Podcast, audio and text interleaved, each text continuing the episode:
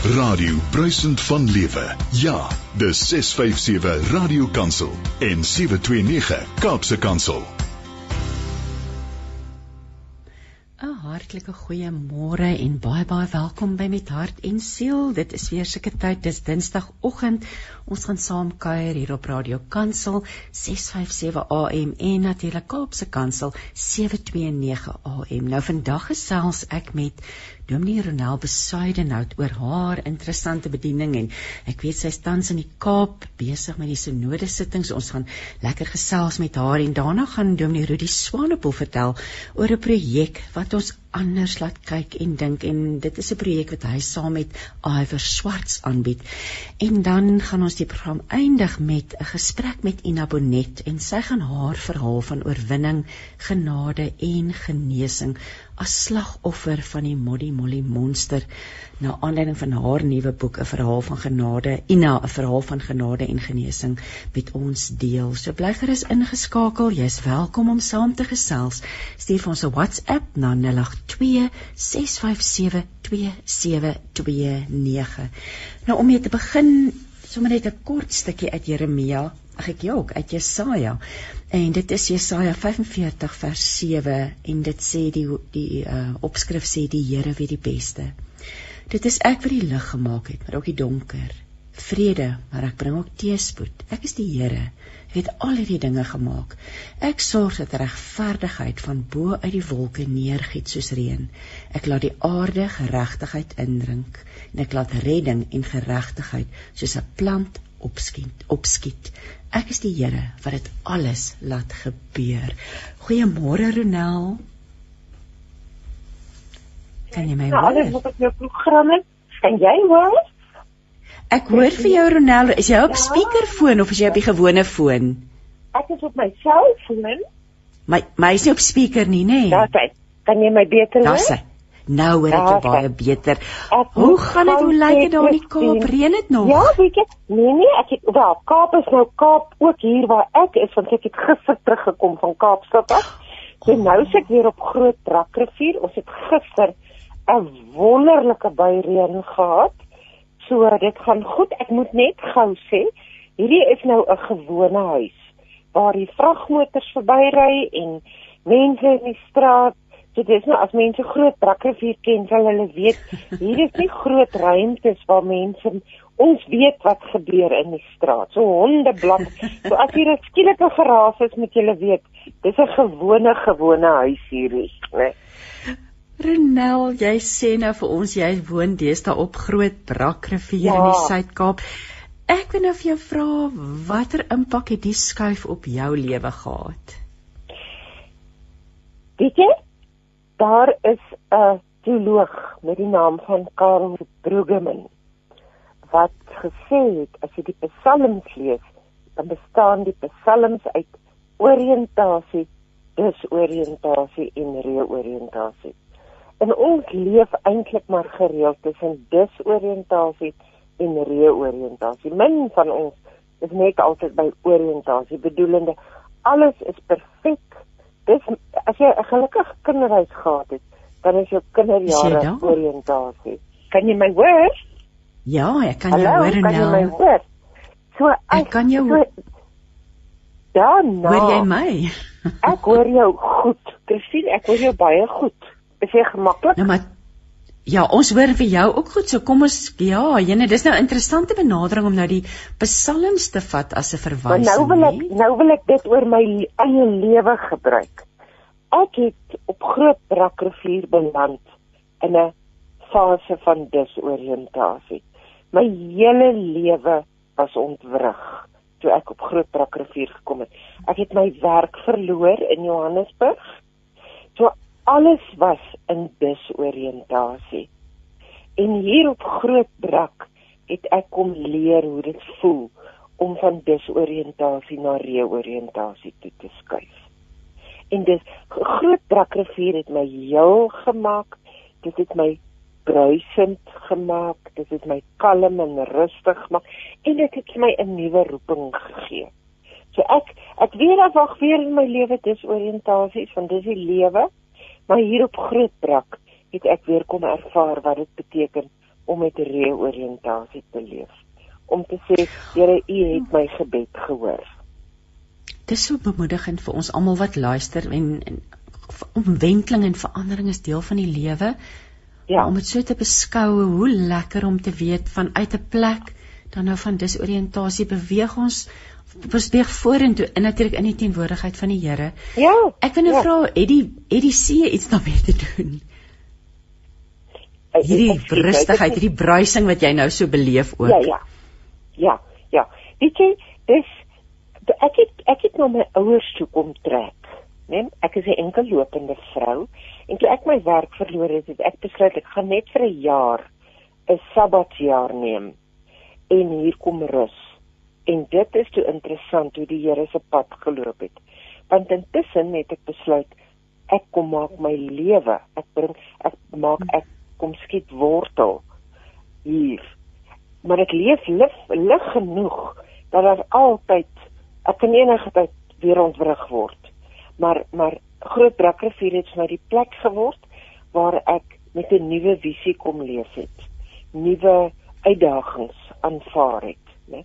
En is wonderlik hoor, want 'n mens dis 'n klein dorpie en om te dink jou hele lewe word op 'n nuwe manier geleef.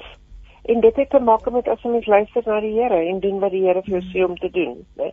So ek het met 'n nuwe lewe hier begin. En dit is nie romanties nie glo my as jy as jy 'n uh, middeljarige vrou is en jy kom bly by bejaarde ouers, is dit glad nie romanties nie, hmm. maar dit is 'n voorreg want ek leer om ek leer om lief te hê, né? So dit is my wonderlik. Ek selfsug verdwyn. Want skielik moet jy jou lewe met mense deel en ek was nie gewoond daaraan nie. So ek het my lewenslesse het ek nou skielik hier op groot brak kom leer. Ronel, maar is eintlik wonderlik soos jy sê jy's middeljarig het ons nog op hierdie ouderdom sulke wonderlike uitdagings kan hê en om te kan groei nê nader ja. aan dit wat Jesus wil hê ons moet hê daai hart vol liefde. Maar luister jy het nog sê jy was op 'n sabbatsjaar jaar gewees maar ek weet dat jy ongelooflik besig is. Jy het 'n ja. klomp projekte aan die gang en ons gaan ja, ja. daaroor gesels. Ek ja. wil nou by jou hoor jy het 'n uh, rukkie terug aan my genoem dat jy daar was 'n moontlikheid dat jy betrokke gaan raak by die Duitse gemeenskap, die ja. Duitse gemeente op Hoekwil. Ja. Het dit toe ja. van die grond af gekom? Is jy daar nou? Dis nou formeel. Nee, ek is nou wat hulle noem 'n literse pastor. Ek is in die proses. Hulle noem dit die groot latynse woord is 'n colloquium. Dis eintlik maar so 'n uh, eh, so ek so studeer so 'n bietjie goeters en dan sal ek nou 'n lang gesprek hê met hulle kerk kerklui. Ek het besluit dat die Israelitiese gemeente in Hoekwil, dis so uursery van Groot Brakrivier af. En dis 'n groot Duitse gemeenskap van um Nysna tot by Mosselbaai. En hulle het my 'n jaar gelede gekontak en op 'n baie um spirituele manier het ek regtig leiding gehad dat dit is wat die Here wil hê ek moet doen. Ek het geen twyfel um met die met die leiding wat ek gekry het dat die Here wil hê ek moet dit doen nie. Ek is nog glad nie seker wat wil die Here hê wat moet ek doen nie, maar dat ek bloot nou moet sê ja, ek is gereed. Hmm. So ek het toe nou lang gesprekke gehad en ek het toe besluit dat dit die dat dit die regte pad vir my is om by die Duitse gemeenskap betrokke te word. So ek word nou in hulle taal 'n Lutherse pastor hulle praat nie van 'n predikant of 'n 'n pastoor of 'n reverend nie, so ek word nou 'n pastor in die Lutherse gemeenskap. Dis 'n klein gemeenskapie, dis maar 'n gemeente van 60 mense, né? Nee? Maar maar die potensiaal om uit te brei is ongelooflik groot, né? Nee? So ja, dis my dis deels van wat ek doen. Ek het doelbewus vir hulle gesê, ek wil nie voltyds wees nie, want ek het nog ander bedieninge ook. So ja, ek word nou 'n Lutherse pastoor. Om presies te wees die 18de November is my formele afskeid wat ek neem van die NG Kerk op pad na die Lutherse gemeente toe. En ek hoor so volkie vlei jy probeer Duits jou Duits opknap en Ja, ja. Maar gelukkig gelukkig ek het in Engels, so ek preek in Engels en ehm um, Dit kan net tyd ook in Afrikaans word want dis baie Afrikaans sprekende mense wat met Duitse mense getroud is. Ehm um, maar ja, ek verstaan en lees Duits baie goed, né? Maar die praat kom nog hortend en stortend. Hoek wil is die mens ry so deur wildernis berg op. Ja, dit is eintlik 'n die woord pastoor herders baie pastoraal. Dis eintlik 'n ja, verskriklike ja. mooi ou dorpie, netjies en skoon ja. en so het die, het die dorp ook jou hart gesteel. Weet jy, as jy nou jy moet nou nog 'n entjie verder opry boontoe, nog hoër, dan kom jy by 'n plekie wat hulle sê Ronnevlei hoogte. Nou Ronnevlei hoogte is tussen dis 'n klomp plase en tussen die plase, amper so in die middel van die plase, het jy nou die die klein klein um kerkie tussen hoë bloekombome. En weet jy as ek op 'n Sondag daar kom, dan staan die melkkoeie so al om die drade so by die landerye en daar ver onder lê die see. So as jy hemel wil sien, dan kan jy maar rondevlei hoogte toe kom. Dis hmm, pragtig. Pragtig. Kom ons praat 'n bietjie. Ek, ek sien jy ry ook die hele land vol. Jy is besig om oh. lesings oh. en werksessies aan te oh. bied. Kom ons gesels 'n bietjie hieroor. Ek weet daar's 'n spesifieke tema wat na vore kom na aanleiding van jou boek oor die woestynvaders. Vertel ja. ons 'n bietjie meer daaroor. Weet jy, ek het ek het ek het 'n sinnetjie raak gelees. So 5 jaar gelede, 6 jaar gelede toe ek begin het om die boek te skryf. Maar omdat ek so belangstelling het in die vroeë kerk. Want die vroeë kerk was die die tyd in die kerk se geskiedenis wat die meeste uitgebrei het, maar die swaarste gekry het. Want dit was vervolging tyd. En ek het ja. begin oplees en sê wat het in daai tyd gebeur? Hoekom was dit so so 'n tyd wat uitgebrei het? Nou ek het die sinnetjie raak gelees waar hulle gesê het die sekerste manier om nie God se stem te hoor nie is 'n besige lewe. En dit het my ongelooflik gevang. Want as hulle dit in die 4de eeu na Christus gesê het, wat sou hulle van die 21ste eeu gesê het? So ek het begin oplees oor wat dit beteken om met stilte en afsondering en um, uh eenkant toe gaan. Eenvoud te leef. Want dit was die drie vereistes. In Engels praat hulle van silence, solitude and simplicity, né? En daai drie dinge het ek begin oplees en dit was die geheim van hoe mense destyds geleef het. En in ons tyd waarin ons leef, besige mense, gejaagde mense, mense met te veel, mense wat nooit genoeg het nie, né? Het ek besef maar eintlik is dit die boodskap wat die kerk vir die wêreld moet bring. So ek hou myself besig. Ek noem dit amper 'n woestynreisiger. En oral waar ek kom, is mense verstom oor hoe eenvoudig dit eintlik is as jy daai drie beginsels toepas. So ek werk met ek ek bied werkswinkels en retreats en sulke tipe goeders aan om vir besige 21ste eeuse mense wat bykans nooit tot bedaring kan kom nie, nooit 'n TV afskakel nie, net die vaardighede te leer van om stil te raak sodat jy God se stem kan hoor. Want God praat nog steeds. Ons word net nie stil om dit te hoor nie. Ja, dit is eintlik soveel waarheid wat jy nou praat Ronel en ons dis amper 'n aanklag teen ons samelewing dat ons nie meer in staat is om hierdie dinge te doen nie um, stilte soos jy sê. Anders noem. Ja, Christine, weet jy, ek sal dit anders noem. Dis nie 'n aanklag teen die samelewing nie. Dis hoe die samelewing nog altyd was. Hmm. Dit gaan oor kom ek gebruik nou metafore, die koninkryk van God en die koninkryk van Rome in Jesus se ja. tyd. Die dit is die samelewing. Die aanklag is dat die kerk, die koninkryk van God nie anders begin lyk as die samelewing nie. En ons roeping is om anders te lyk. Ja. Tref daai woorde my nou.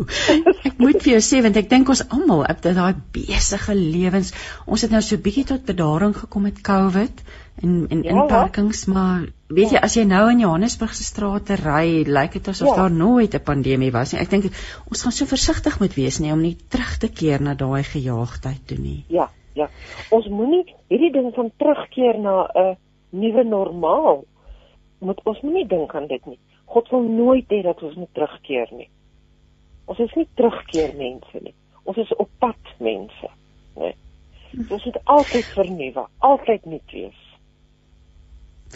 Ronelma, hoe kry mense dit reg? So jy begelei mense en ek weet ons gaan dis 'n hele waarskynlik 'n naweek of ek weet nie hoe lank is jou mm. sessies nie. Maar so in 'n neutedop hierdie les want dit voel vir my dit is seker van die belangrikste lesse wat dan ons die Nee, ek wil eintlik teruggaan en sê hoe doen ons dit? Ons gaan nou nou praat oor die lesse van die woestynvaders, maar dissipline is seker nommer 1 in hierdie proses. Dis so moeilik. Ek is in myself 'n verskriklike ongedissiplineerde mens. Dit het ook 'n persoonlikheidstipe, né? Maar maar ek moes leer dat ek dinge ek moet ek ek maak 'n keuse of ek praat nou ek as universeel gelowig. Ja. Ek as ek hierdie pad as ek 'n disipel van Jesus is, dan impliseer dit dat daar 'n keuse moet wees. Ek kan nie die keuse maak nie. Die Gees maak vir my die keuse.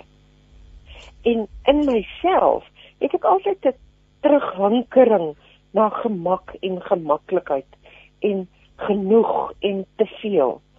Maar as ek as ek begin loop op die pad wat die Gees jou laat loop. So dit gaan eintlik om te leer om te luister. Dit gaan om jouself te ontdek. So as jy nou vra hoe lyk so 'n kursus wat ek aanbied, is om eers net vir mense te help ontdek wie ons is. En wat wat my wat die ware ek is. Wat die skrif ons leer. So ons ons dat is sielkundige wat gesê het ons het 3 selwe. Ons het 'n ideale self, 'n 'n ware self en 'n 'n valse self. Die valse self sal ons dadelik weet wat dit is. Die ideale self is daai prentjie wat ons aan mekaar voorhou van hoe ons eintlik wil hê mense moet dink ons is. Maar dan daar diep binnekant is daar 'n self wat die beeld van God is. En daar's maniere hoe mense dit op so 'n werkswinkel leer ken. So natuurlik as ek 'n eendag werkswinkel aanbied, dan raak dan dit 'n lusmaker. As dit 'n week se retreat is, dan is dit nou langer, né? Dan dan zoom ons nou diep in op goed, né? So dit hang maar af van wat die wat die tyd is wat mense het, né? So dit is van 'n week wat ek 'n lekker week lank doen tot 'n oggend afhangende van die tyd wat ons het. Dries Kreer van Palaborwa môre Dries môre Letty lekker om van julle te hoor. Hy sê hulle was um, in Pretoria, Rustenburg en Springs en hy verwys dan na as die betonoorwyd. Hulle was daar verlede week. Hy sê hulle het net honde in die strate by ons is daar soms leeu, seekoe en 'n olifant. Hulle is net van Palaborwa af. Hy sê as 'n mens ver afgemeentes besoek, hoor en sien jy die waardering van die mense. En Ek dink jy kan seker getuig as ons oor hoek wil praat, want dit is tog op 'n ja. manier 'n ver afgemeente, nê? Nee. O ja, weet jy, dit is nie 'n dorpie rondom 'n uh, 'n rondevlei hoogte nie, né? Ehm um, dis 'n rondevlei hoogte is net hierdie op die punt hier bo. Dis en dan van onder as jy van daar af ry onder toe, dan ry jy na Hoekwil toe en jy ry na Wildernis toe. So dis amper soos om te sê van daar af loop die paaie af onder toe, né? Maar as jy daar bo kom, dan is stilte. Hmm. Al wat jy hoor, is jy hoor beeste en jy hoor die omgewing want jy hoor nie motors staan nie. Dis nie dis nie 'n woonbuurt nie. Dis 'n dis 'n dis 'n ek wil amper sê dis 'n laaste punt. En daar hmm. kom alles tot rus. En van daar af beweeg alles weer onder toe na die na die beweeglikheid toe van die lewe maar Ronnevlei hoogte is letterlik soos 'n oploop na 'n hoogtepunt toe. En daar kom jy tot by daar. Dit is 'n wonderlike mooi plek. te pragtig. Dit klink wat so perfek pas by jou hele lewensmissie. Ek werk die Here laat dit goed so ja. mooi saamwerk. Kom ons ja. praat 'n bietjie weer oor die woestynvaders. Ek en jy het nou ja. al gepraat oor die 40 dae tot hoop, oor die lent, oor ja. weet ons het al daardie gesprek gehad, maar die woestynvaders, ons twee het nog nooit oor hulle gesels nie. Mm. Wat is die belangrikste lesse wat ons by hulle kan leer? Stilte eenvoud en afsondering. Sommige so eenvoudig soos dit. Die 3 S'e. Kom ek sê net vir jou hoekom die kerk vandag en ek praat van die kerk globaal, al die kerke ongeag watter denominasie, het 'n geweldige belangstelling nou in die vroeë periode van die kerk. Want ek kyk ons moet onthou dit was die tyd voordat die kerke geskeur het. Daar was nog geen dis nou groot woord geïnstitusionaliseerde kerke nie. Met ander woorde die kerk was nog so 'n klein groepies. Daar was nog nie verskillende soos die Ro Romeinse kerk of die gereformeerde alle kerke kom uit daai periode uit, né? Na dit 'n paar eeue later het dit eers gesplit na verskillende denominasies toe. Nou die wat gebeur het in daai tyd is Konstantin het aan bewind gekom. Maar Konstantin was nie regtig 'n Christen nie. Konstantin het net het net het net die waarde van die Christendom besef. En toe sê die Christene, maar dis verskriklik gevaarlik want as jy so gemaklik begin leef, skielik het hulle gesê as jy nie 'n Christen is nie, dan word jy doodgemaak. En die kerk sê toe luister dis baie gevaarlik. Nou moet ons pad gee. Want as dit ons gaan tref, dat dit nie meer saak maak of jy 'n Christen is of nie. En daar's toe so 50000. Hulle sê 50000 vroue en dalk 20000 mans. So eintlik is dit die kerkmoeders, hoor. Hulle het na die woestyne toe dis nie gevlug nie. Hulle het net pad gegee sodat hulle sê maar ons wil nie ons wil nie in die stede leef waar dit skielik vir ons gemaklik is nie. En so het hulle sulke klein gemeenskappies gestig. Dit was die vroeë begin van die kloosters, né? En hulle het 'n klein Christen gemeenskappies begin waar hulle werklik die Christelike beginsels uitgeleef het. En daai daai lewe is opgeteken in in wat hulle noem in Engels is dit the sayings of the desert fathers, die wyshede van die van die woestynvaders. En dit was sulke mense wat wat dis sommer letterlik net gesegdes. En vandag bestudeer mense dit om te sê wat kan ons by daai mense leer want ons in die kerk begin nou besef Hulle het iets wat ons nodig het. The sayings of the desert fathers. So dis eintlik by dit. Jo, van die woestynvaders na die moderne era, jy het weekliks 'n aanlyn geselsprogram met die titel ja. uh, veelkleurig. Jy bied dit aan. Ja. Jy het ook die skuif gemaak om aanlyn bediening te doen, Ronel. So vertel vir ons 'n bietjie meer oor veelkleurig asseblief. Ja. Dis toe ek my werk verloor het as 'n uh, predikant in Johannesburg. Het ek aanvanklik gedink my my roeping is om 'n dominee in 'n gemeente te wees. Tot ek later besef het, maar dis nie my roeping nie. My roeping is om as 'n teoloog, want dis wat ek opgelei is, om die evangelie te verkondig. En as ek nie 'n gemeente het nie, dan moet ek dit nog steeds verkondig. En waar verkondig mense dit vandag? Die grootste gemeente wat jy kan hê is om op die internet te gaan want almal is op die internet. So die tegnologie is nie ons vyand nie. Die tegnologie is vandag die medium hoe ons die evangelie verkondig. Dis maar soos die radio, né? So ja. ek het begin nog voor Covid daar was, het ek begin om 'n aanlyn bediening, 'n online ministry te hê Ek het begin skryf en alles wat ek skryf het ek op die internet gesit. En ek het begin gesprekke, onderhoude met mense voer en ek het dit op YouTube gelaai. En met die tyd het ek besef maar ek het die grootste gemeente met die wydste grense van mense van Amerika. Ek het nou die dag met mense uit Nederland uit 'n musiekgroep Sela het ek in Nederland 'n onderhoud gevoer om te dink mense in Nederland lees my dagstukke. Daar's mense ja. in Australië. Ag man, dis oral want die internet is onbeperk. En ek doen dit in Afrikaans, né?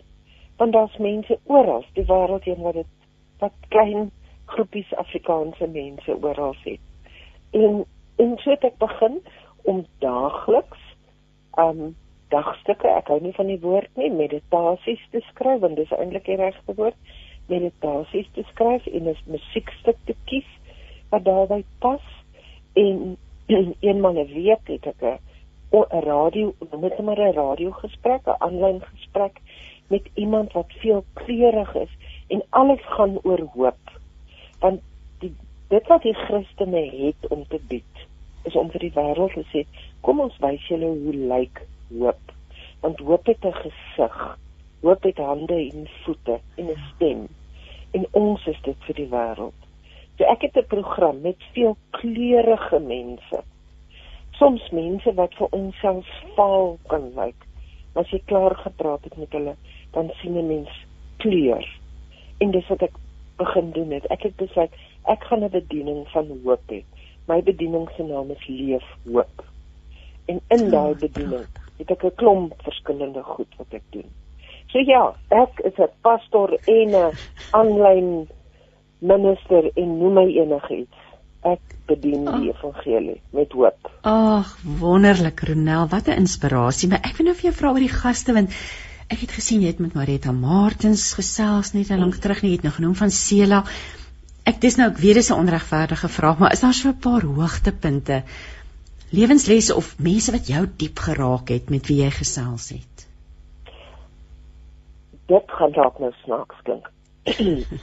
net 'n oomblik. ek het nou al 60 onderhoude gevoer met mense. So dis nou al langer as 'n jaar dat ek dit doen. Die een wat uitstaan, die twee wat uitstaan, was met my ma en met my pa. Dis twee afsonderlike hmm. Um omdat ek hulle as veelkleurige mense kom leer ken het. Dis iets anders om jou ouers te ken as jou ouers teenoor om hulle te kom leer ken as gelowiges. En ek het met hulle gesels oor die lewenslesse wat hulle gehad het. So die twee het vir my ongelooflik uitgestaan. Um jy het nou nou 'n onderhoud met Rudy Swanepoel. Dit was 'n merkwaardige onderhoud. Jaco Strydom. Ag Christine, ek het met jou 'n onderhoud gevoer. Weet jy, elke onderhoud is 'n veelkleurige onderhoud, né?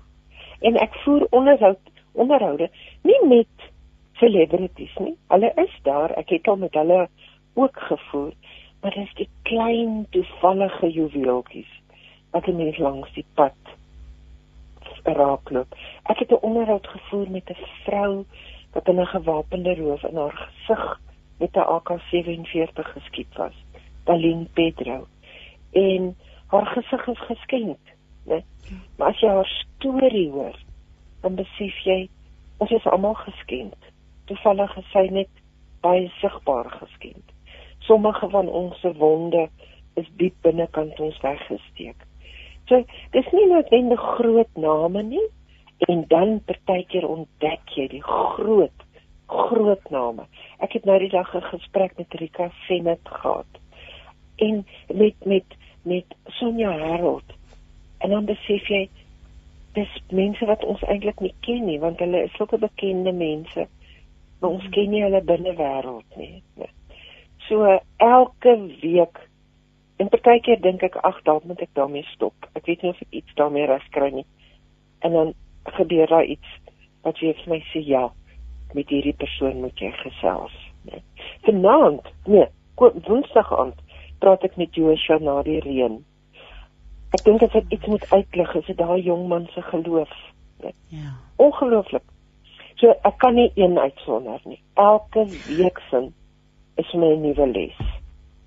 Maar hoe lieflik dat jy ook al net al 'n jaar lank daarmee besig is en weer eens hoop, stories van hoop, ons leef ja. die hoop, ons ons moet ja. dit wys vir die wêreld en Ag, oh, ja. dit inspireer, dit inspireer. Ons het gepraat oor die aanlyn Bybelstudies. Nee, jy het vertel van oh. jou jou meditasies, maar jy doen ook aanlyn ja. Bybelstudies nie waar nie? Dis reg. Dan weet jy, um, Bybelstudies is moeilik. Dis twee goed. 'n Bybelstudie as 'n groep. Um ek bied ek, ek skryf kursusse met video's by wat dan gekoop word want ek moet 'n lewe maak uit dit en en op bedoelende daarbey ek moet myself sorg en vir my ouers sorg. So ek skryf kursusse en dan kan mense die kursusse aflaai. Hulle het altyd toegang tot daai kursus en so word dit word dit gesprekstudies vir groepe, nee. Ek het daaglikse meditasies, baie gemeentes koop dit en dan versprei hulle dit weer na gemeentelede toe. So ek hou myself besig met goeie teologie wat ek sover as moontlik probeer versprei. As ek sê goeie teologie, dan bedoel ek ek het tyd om navorsing te doen. Die gemiddelde pastoor of predikant of pastoor het nie die tyd wat ek het om net met die woord besig te wees nie. Hulle moet vergaderings hou en allerlei ander predikante goeders doen. So ek het die tyd om deeglike navorsing te doen. Want dit is 'n antieke boek. Ons kan nie sommer net bo langs lees nie. En om dit dan te versprei. So ja, daar's kursusse, aanlyn kursusse. Dit is baie maklik om by my goed uit te kom. Dis net my naam. As jy Ronel besluit net intik op die internet, dan gaan jy by my naam, by my al my goeders uitkom. Ek is net toevallige 'n vreemde spelling vir my naam. Dit is net R O N E L L. Ek spot altyd en sê as daar net een L was, as ek dalk marter, maar nou het ek twee L'e, né? Ja. So ek is Ronel nou. besluit net. maar die Here beloof vir ons dat hy gaan dit wat sleg in ons lewe gebeur, gaan hy omdraai teen goeie ter wille van sy koninkryk, né? En dit is presies wat hier gebeur. Jy het genoem jy het jou werk verloor, jy moes skuif na Grootbrak. Kyk net wat het alles hieruit voortgespraai. Jy staan eintlik in verwondering, né? Ja. Dis daar's twee goed want ek weet die luister mense op hierdie oomblik wat totaal moed verloor het, né? En dit het my jare gevat om heel te word, hoor, om van my seer en my teleurstelling om om dit te laat los en te sê dis afgehandel. Dis nie sommer net 'n oornagting nie. Party mense word wonderlik vinnig genees my my my seer het lank gevat. My ouers het 'n groot rol gespeel in my heelheid, in my om weer te om om te vertrou want dit was 'n seer proses om my werk te verloor, né? Ook omdat ek um seer gemaak gevoel het in dit. So en mense moet ook eerlik oor dit wees. En ek weet die luister mense en al wat ek kan sê is dis baie selde dat 'n geleentheid uit die hemel in jou skoot val. Dit dit gebeur gewoonlik maar waar jy voetjie vir voetjie weer kanse waag, né? Nee. Want dis wat die Gees vir ons gee, 'n gees van waagmoed, né? Nee. So dis as 'n mens wag dat dit gebeur, dan jy kan dit baie lank gewag daarvoor. Maar as jy die veelkleurigheid van die Gees in jouself gaan toelaat, dan en en vra dat jou oë oop moet wees en dat jy kansse sal waag. Dan ontdek jy regtig regtig nuwe geleenthede. En dat jy moet weet daar gaan weer teleurstellings wees né want my my gemak my gemaklikheid is nie die doelwit nie. My groei is die doelwit. En ek moet ook groei so ek moet nie gemaklik raak in hierdie nuwe lewe van my nie nee. Jy antwoord eintlik my volgende vraag want ek wou en dit is so mooi ek, wat jy nou alles sê want ek wou vir jou vra die jou eie lewe boonbehalwe die werk verloor was nie sonder uitdagings gewees nie. So groot geloofslesse boonbehalwe die ja. goed wat jy nou genoem het. As jy moet terugkyk oor jou lewe Ronel, wat was die grootste lesse wat die Here vir jou geleer het? My my lewe net soos iemand anders se was nog nooit net maklik nie. Weet ek het op 17 was ek en my pa in 'n motorfietsongeluk en ek was 6 maande lank in die hospitaal, dag dag en datum. 6 maande. En ehm um, beide ek en my pa het elkeen 'n kunstbeen. Ons het elkeen 'n been verloor. So ek loop al 40 jaar lank met 'n kunstbeen en dit het weer ander gesondheidsimplikasies.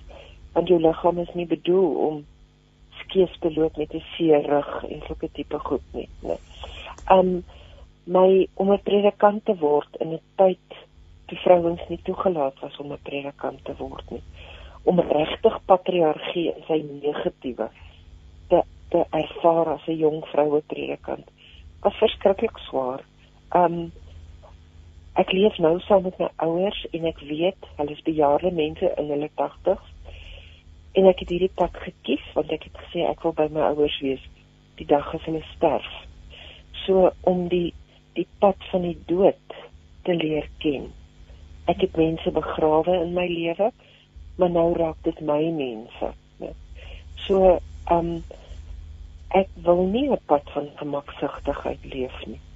Ek wil 'n pad leef van waar ek mense op my pad toelaat om my uit te daag.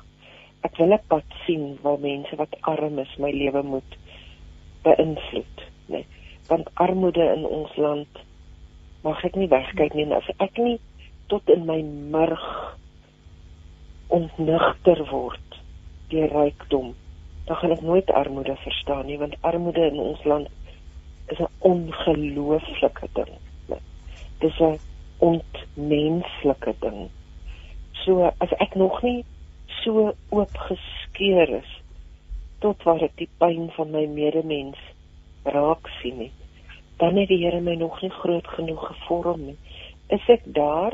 Nee, glad nie, glad nie. Mag die Here en ek sê dit met huiwering, mag die Here my daar bring waar ek dit regtig met deernis daar kan wees, nee. So ek is wat my lesse is, is om die Here toe te laat om my te vorm. En vorming soos Petrus sê is nie maklik nie, dis 'n dis 'n loutering. Maar gelukkig bring die Here altyd weer ek wil amper sê sulke blaaskanse. Waar jy tot stil. Die Jesus het die disippels geroep en gesê Markus 6 kom kom rus eers 'n bietjie, né? Nee? Dis nou dat hy hulle uitgestuur het om te werk. Dalk is ek nou in die tydperk van Ronel kom rus net eers 'n bietjie. Dalk wag daar groot beproewing op my lewe, ek weet nie, né? Maar ek weet ook dat hoop is nooit sonder 'n einde nie. Dis die een ding wat ek kom leer het. Net hoop het verskillende gestigte, maar is nooit dit word nooit uitgeput nie. Net. So dis my lewensles wat ek myself moet herinner. Hmm. Want ek weet mos nie wat wag in die toekoms nie. Maar hoop is 'n 'n drie dubbele anker kan nie breek nie. Dis wat ek as hoop leer ken het. O, oh, ons het nou amper aan die einde van ons tyd gekom, nog so 'n minuut of wat, Ronel. En jy het nou soveel kosbarehede by ons gelos en en dit is so 'n rustige gees wat wat saam met jou kom en en ek mense kan hoor dat dit eintlik met jou baie goed gaan. Nie al die dinge geleer maar wat hou die toekoms in? Waaroor droom jy nog vanuit Ronel die mensperspektief? Mm. Ek ek hoor jou hart van ons weet nie wat die toekoms inhou nie, maar mm. wat waaroor droom jy nog? Wat wat sal jy nog graag wil bereik? Weet jy ek droom dat ek by my ouers op hulle bed sit die dag as hulle sterf. Ek droom dit. Ek droom dat ek die voorreg het om die proses van sterf dalk sterf ek voor hulle natuurlik weet ek dit ek droom dit. Ek droom dat ek my bejaarde ouers wat nou nog gesond is dat ek my bejaarde ouers se hand in hulle pyn sal kan vashou. Want ouderdom en pyn loop hand aan hand né? Nee? ouderdom en 'n liggaam wat agteruit gaan. Ek droom dat ek my bediening mag voortsit. Ek droom dat ek my roeping dat my roeping versterk sal word. Ek droom gewone drome dat die huishulp en die tuinier wat in ons huis is, dat ek in hulle lewe vir hulle kan help om hulle lewens ligter te kan leef. So ek droom gewone goed. Ek droom nie ek gaan nie 'n uh, Angela Merkel of 'n suksesvolle sakevrou of 'n ek droom nie daai tipe drome nie. My drome is baie gewoon. As ek in die straat loop, gaan mense herken my met ek spesiaal, maar bedoel hulle ek gaan nie in die strate loop en 'n uh, mens wees wat mense ek is 'n gewone die gemiddelde persoon geneer weet wie ek is nie. nie. So ek droom gewone alledaagse goedjies. Ek droom ek droom van 'n lewe waar kinders waar kinders bietjie beter versorg word en waar ou mense na geluister word. So ek het nie hierdie massiewe drome van eendag gaan ek 'n suksesvolle radio-onderhoud voerder of so iets word ja. nie. Nee. Baie gewoon. Ek droom ek droom van goeie verhoudings met mense en dit tipe alledaagse goetertjies, né? Ek hoop dat my droom is dat ek dalk net vir iemand vandag bietjie bietjie ietsie kan doen wat goed is, né? Bietjie kos op hulle tafel sit wat hulle dalk nie gehad het nie. Ons is weer terug eintlik by daai stilte, afsondering en eenvoud. Mm, so eintlik is dit ja. massiewe drome, want dit is die ja. drome wat die wêreld verander. Ja. Ek en moet ek het nou na myself luister Christina besef dit is dis glad en geheel nie dramatiese ingrypende goed nie in my lewe. Maar dis die Maar dis die verskil maak. Dan bedoel ek alles, alles, alles, alles. Ek besit niks. Nee, ek lieg. Ek besit 'n motor en 'n rekenaar en skilderkwasse en klere en boeke. Dis wat ek besit. So as jy Here vandag net vir my ry Timbuktu toe, dan pak ek my tasse en ek pak my hond en um, ek groet my ouers want ook dit is iets wat jy agter moet kan laat en ek gaan maar maar ek besit niks ek het regtig besluit op 'n lewe van eenvoud né so hmm. ek leef met my ouers se goedheid van hulle dak so my drome is om om te hoor waarheen ek moet gaan dis my reis Ronel as iemand luister vandag en regtig aangeraak is deur wat jy sê en meer wil weet, jou boeke in die hande wil kry. Ehm um, die web is daar 'n webwerf of dit kos maar net Ronel ja, besluit ja. net is, is net Ronel wat net Ronel besluit net. Ronel besluit net en sy open seta. So jy gaan op Google en jy tik Ronel besluit net dit en jy gaan alle goeders daar kom kry en jy moet dit maar met 'n knippie sout vat want uh, dit mag dalk te indrukwekkend lyk en dit is glad nie nee dis oh. is dit dit probeer die Here dit probeer die koninkryk van God en dis wat dit is ja. en dit moet glad nie heilig klink nie kan dit is nie Ronald, dit was 'n heerlike voorreg om met jou te gesels en ag ek bid die Here se seën oor jou en al die dinge wat jy op 'n daaglikse basis vir hom doen en die mense wie se harte jy aanraak. Dankie. En daarmee jou gaan ek nou gou-gou jou ma bel. Wat net hier om die hoek. Ag, baie dankie. Ja. Dit ag jene, dit is 'n so. wonderlik fees. My ma nou is daar groot rivier. Ja. Ach, ek gaan gou-gou jou ma bel en hoor hoe dit met haar gaan. Ag, dankie daarvoor Ronel. Maar hoor die seën en liefde vir jou en dankie, ja, dankie. ons ons kyk uit. Ek geniet dit om te sien wat jy alles doen op Facebook. Maar kom ons luister nou na musiek en so heel gepas gaan Bernice Borman nou vir ons sing. Hoe groot is ons God? 657 AM, jou geesgenoot op die pad van die ware lewe. Nee, luister nou met hart en siel en toe ek nou weer die advertensie hoor, het ek myself daaraan herinner om asseblief vir ons luisteraars uit te nooi. Ons leeftydskrif uh, met hart en siel, leef met hart en siel is betrokke by die Mosaïek Expo, groot Kersmark wat by die Mosaïek gemeente in Fairland plaasvind. So kom maak 'n draai, kom sê hallo en dit sou vir ons heerlik wees om om jou te ontmoet. Maar nou gaan ek gesels met Rudy Swanepoel. Nou Rudy is betrokke by die Andrew Murray gemeente hier in Johannesburg en hy het onlangs betrokke was leraar daar maar hy het onlangs betrokke geraak in 'n baie baie baie spesiale projek met die titel ons vir jou. Môre Rudy? Hallo Christine en môre luisteraars Rudy ek ons het ja ek weet nie of jy gelou kon luister na Ronel nie. Ronel het so hard vir vir vir vir ouer mense, vir ou bejaardes, vir vir die armes, vir sekere ja, daar's net ja, voel vir my die gebrokenis in ons samelewing lê so na na haar. Hierdie projek is ook iets wat diep in jou hart leef. So ek wil nou vir jou vra ons vir jou waar die idee vandaan gekom en wat behels dit? Christine, die hele inisiatief is eintlik uit my vriendskap met Iwer Swart gebore. Hy's nou uiteindelik in die reeks is hy my mede-aanbieder. Um ek en Iwer het vir 'n lang ruk gepraat oor um kom ons sê maar die die toestand van verhoudings in Suid-Afrika of die die die toestand van die verhoudings tussen die verskillende rasgroepe in Suid-Afrika. Um ons het uh, gesê ons wil iets skep, ons wil iets maak wat dit vir mense moontlik maak om te sien dat dit moontlik is om met mekaar te praat en nie net die hele tyd oor mekaar nie. Um jy weet ons is so geneig om onsself te groepeer in verskillende half belangegroepe. Jy weet die sê ding is mos soort soek soort. Um maar die evangelie daag ons tot 'n groot mate uit om bietjie buite ons groep um ook verhoudings te bou, bietjie weier te kyk as net die mense met wie ek al van nature sou assosieer.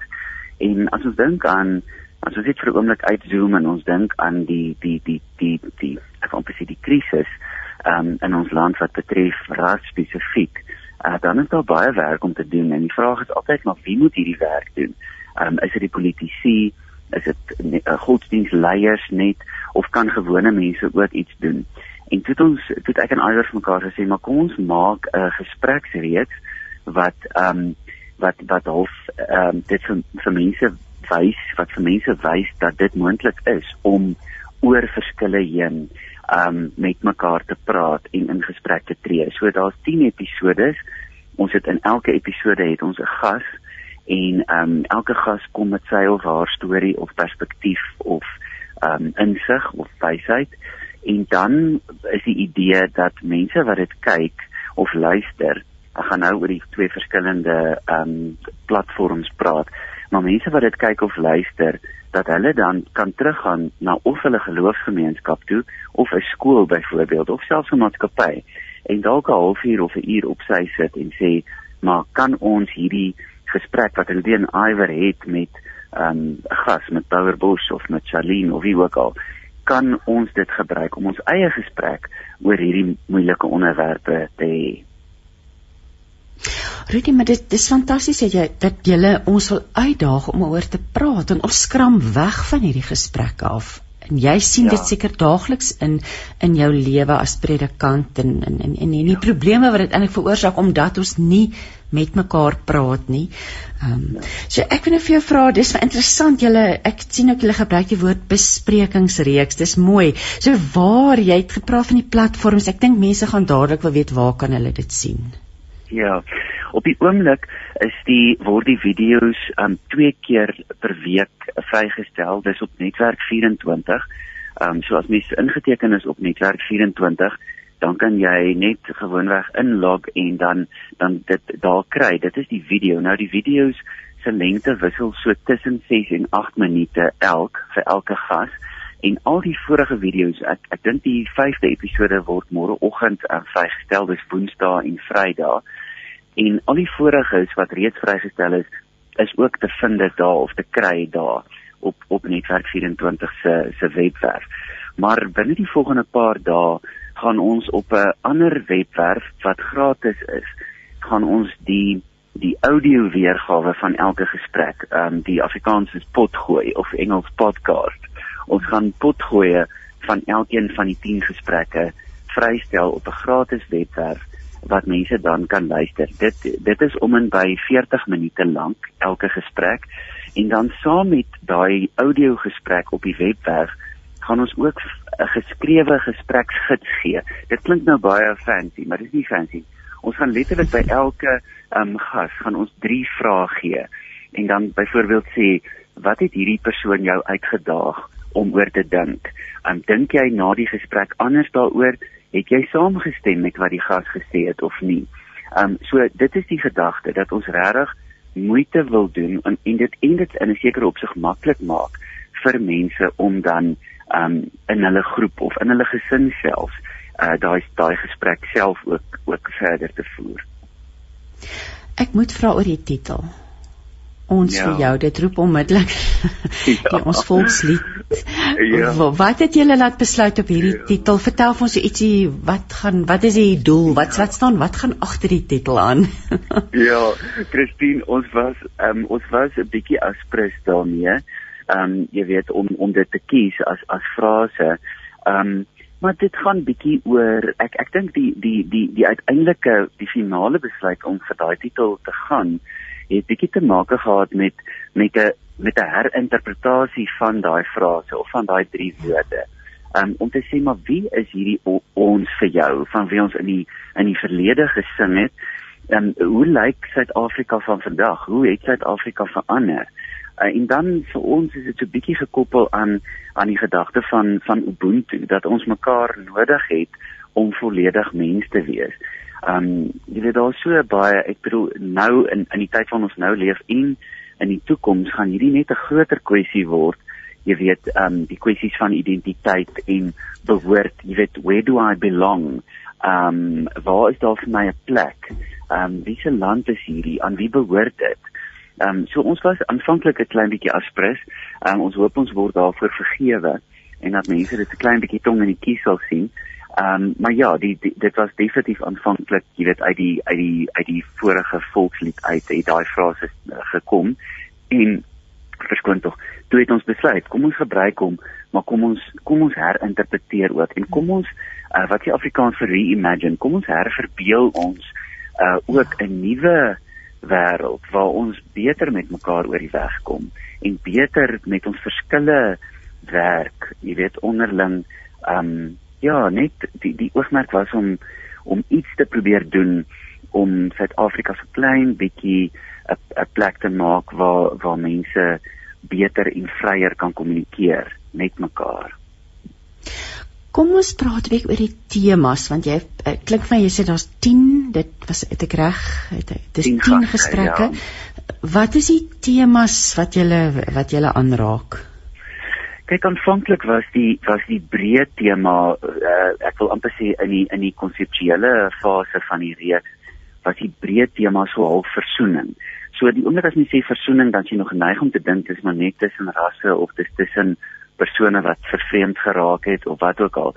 Maar ek dink uiteindelik pas al 10 van die van op die die subtemas pas binne die groter tema van versoening in.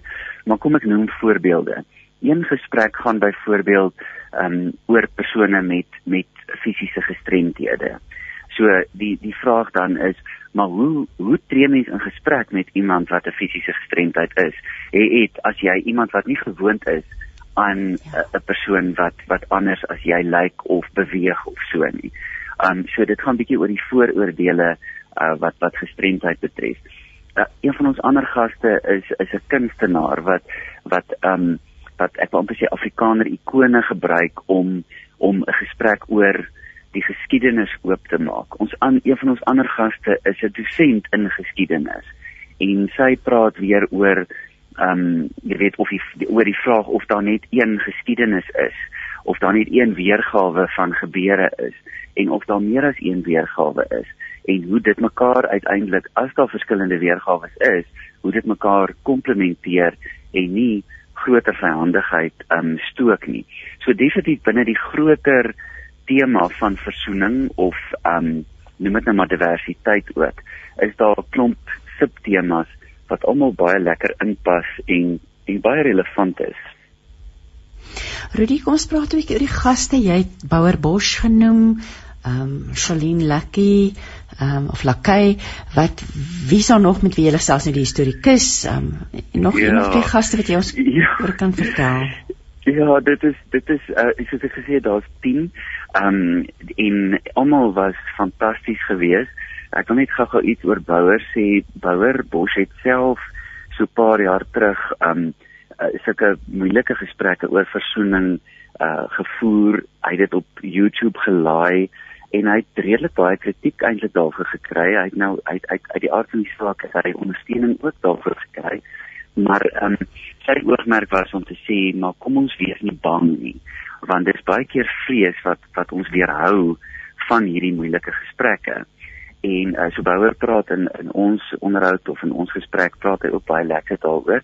Charlene Lekay, haar noem van 'n streeter, Sy was ehm um, voorheen 'n TV-aanbieder en 'n media persoonlikheid en op die oomblik is sy die hoof van volhoubaarheid by 'n groot Suid-Afrikaanse ehm um, maatskappy, korporatiewe maatskappy.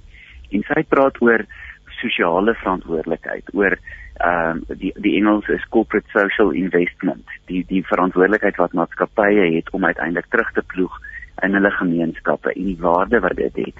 So dit was ook 'n dit was ook 'n uitstaande onderhoud met haar. Die historikus van wie ek gepraat het is ehm um, Dr. Lindie Koorts. Sy is verbonde aan die Universiteit van die Vrystaat. Sy is ook in die week op 'n ander uh, of 'n op 'n radioprogram uh hoeka hierdie tyd van die oggend. Ehm um, sy die gas van ehm um, van Amore Becker op RSG. Lindie praat ja, soos ek gesê het oor ehm um, die die feit dat daar nie net een geskiedenis is nie, maar dat elke groep uiteindelik hulle eie weergawe of hulle eie, eie interpretasie ook van geskiedenis het. En uh, dit was ook 'n wonderlike onderhoud. Die gestremde persoon is Julius van der Walt. Hy is 'n spastiese kwadripleeg. Hy het gevra dat ons hom so moet bekendstel in die ons vir jou onderhoud en hy is onge vir, vir my was dit die die dit was amper die hoogtepunt. Hy was ongelooflik prakties oor oor hoe mense moet maak want Julius is verskriklik gestremd. Ek bedoel sy eh, nie een van sy hande is ehm um, is nie spasties nie. Al sy hande is verskriklik spasties. En hy sê mense is geneig om weg te kyk as hulle hom sien en hulle dink is die regte ding om te doen om uit respek uit amper weg te kyk. Julius sê moenie wegkyk nie. Vir my sê dit eh, ek is te lelik om om na gekyk te word as jy wegkyk. Kyk vir my en praat eerder met my. Vra eerder vir my wat het met jou gebeur? Wat is fout met jou? Kan jy my verstaan? Um en en en engage eerder met my as wat jy my vermy. Um en hy's humoris, hy's komies ook, hoor. Um ek het nie besef hoe snaaks die onderhoud was totdat um, totdat Karina my vrou dit gekyk het. Toe sê sy sy het daar doodgelag vir Julius. Um want hy hy praat baie ernstig maar met geweldige humor. Um en ja, so Julius het uiteindelik verskriklik prakties gesels. Um oor hoe ons met mekaar ehm um, moet moet moet praat en en wat die Afrikaanse interact interaksie moet hê as ons ehm um, as ons so verskillend is soos een persoon wat uh wat kan loop of op hulle eie oor die weg kom en iemand anders wat wat met 'n rolstoel oor die weg kom. Ag Rudy, wonderlik twee predikante, Iwer en Iwer Swarts en jy en wat julle uitreik en hierdie doen buite julle veld van die daaglikse werk. Ag, ek, ek wou net so ter afsluiting vra, sommer net so 'n bietjie oor Iwer dalk en as jy ons dan vir ons kan net net vir ons luisteraars kan sê waar hulle, ek weet jy het gesê netwerk 24, maar ja, so 'n tikkie oor Iwer. Ek het al met Iwer op gesels, 'n besonderse mens met 'n absolute kragtige getuienis van hoe God om ja sy lewe verander het nê nee? so ja, ja hoe hoe was jou belewenis om saam met hom ek weet jy jy's 'n vriend van hom ook maar dit moes anders gewees om so saam te werk ja dit was dit was absoluut heerlik om saam met hom te werk. Ehm um, jy weet ek dink dit moet my maar hoekom 'n mens vriende raak, nê, nee, is is mens mens kry aanknopingspunte. Ehm um, jy weet daar's daar's daar's chemistry tussen jou. Jy jy verstaan mekaar, jy respekteer mekaar. Ehm um, Iver is 'n verskriklike skerp ehm um, denker. Hy's 'n verskriklike kreatiewe mens. So die hele proses was 'n was 'n geweldige stimulerende ervaring. Ehm um, en ja, vir hom as mens en as predikant en as nou as mede-aanbieder het ek regtig uh, net eindelose respek en en natuurlik die invloed wat hy ehm um, op op jong mense veral uitoefen is is verstommend. Ehm um, want hy spreek skole toe.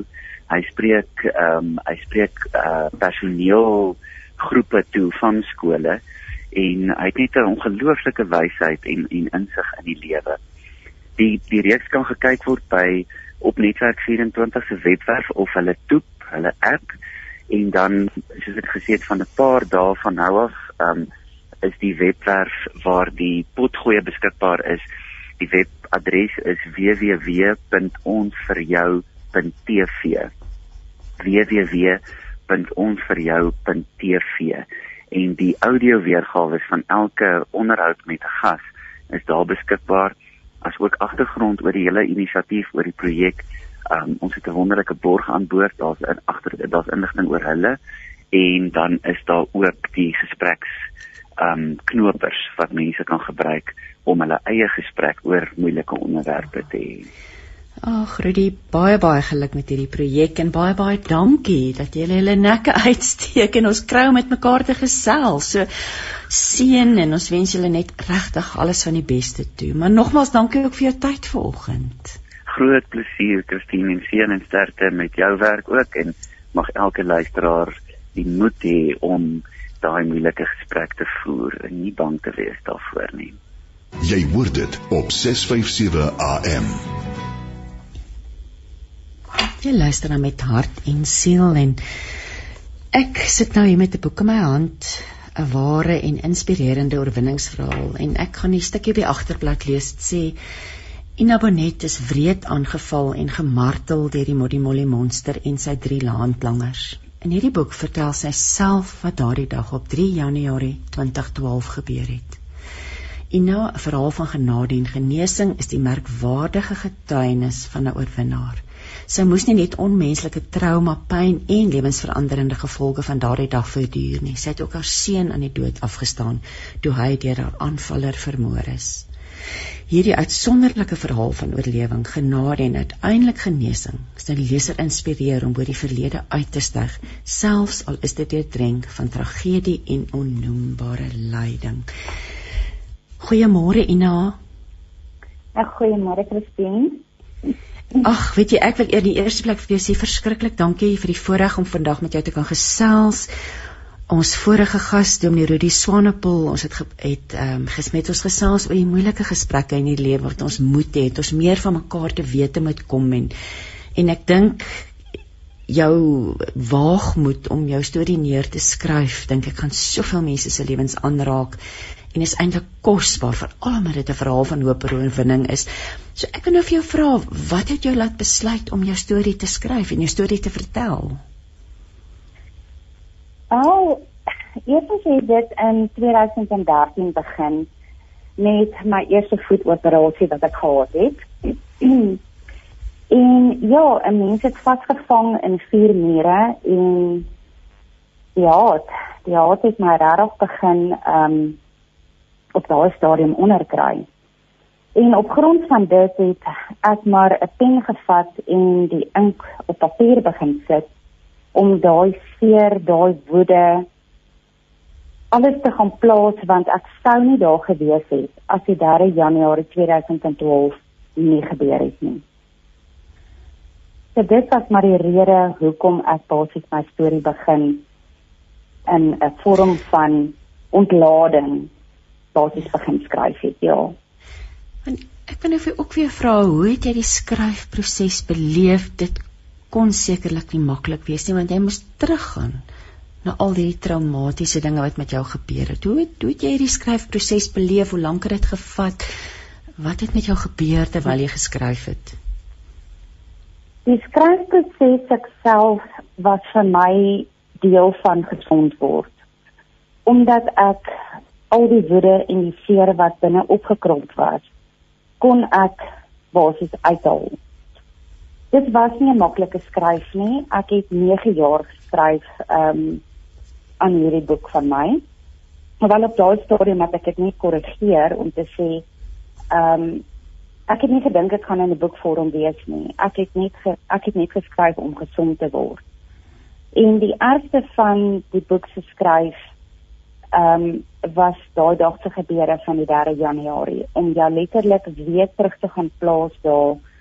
Um omdat daar in die media baie van die inligting nie korrek weergegee was of weerhou was van die mense daar buite het ek net gevoel ek was met klippe gegooi ehm um, ensovoorts. So ek het dit letterlik die regstelling gaan maak in my boek as ek dit so kan stel ook. En dit dit was my dit het my rarig genade en genesing gebring moeilik maar ja ek is daar die eers ek wil nou vir jou vra want in die eerste plek nou gebeur so iets met met 'n mens, met 'n vrou. En dan het jy al hierdie aandag van die media in die wêreld op jou, die publieke aandag. Hoe hoe hanteer 'n mens dit? Dit was dit moes sekerlik ook baie moeilik gewees het. Kyk, julle in die begin met die ehm um, toe ek aanvanklik in die media beland het ongevraagd. Ehm um, was dit 'n moeilike pad. Dit was regtig 'n moeilike pad vir die sin van mense kon nie glo dat dit werklik met iemand kon gebeur het nie. So daar baie vrae ontstaan rondom dit.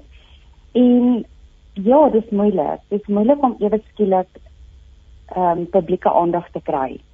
Maar met nou met my boek, is dit vir my so 'n seëning om te weet dat ek deur al hierdie seer kon gaan met die Here se genade, die krag en liefde wat ek van hom ontvang het om dit in 'n boek saam te vat en eintlik vir mense te sê, weet jy wat? Daar is hoop. Daar is hoop as jy al net in jouself glo en die Here toelaat om beheer in en oor jou lewe te neem. So vir my op hierdie stadium die die publieke aandag is vir my baie meer positiewer as wat ek amper 10 jaar terug ervaar het as ek dit so kan stel. Ag en daar lê natuurlik ook 'n groot stuk verdere genesing daarin, nê, nee, dat jy kon dit vir die mense dit ja op 'n wonderlike manier. Ek wil byvoeg die die uitgewers is Luka, ehm, 'n um, Christelike uitgewery, um, hulle is deel van Lapa, deel van Penguin Random House. So die boek is absoluut sensitief hanteer, pragtig geskryf. Um, ek wil nou vir jou vra, on, ons praat so af rondom dit en en, en ons wil nie die bedoel daar was baie media aandag en mense het min of 'n idee van van jou storie. Maar jou jou verhaal stel vir ons in die eerste plek 'n voorbeeld van hoe om vry te kom van 'n lewe van die verlede en dan hierdie lewe van oorwinning.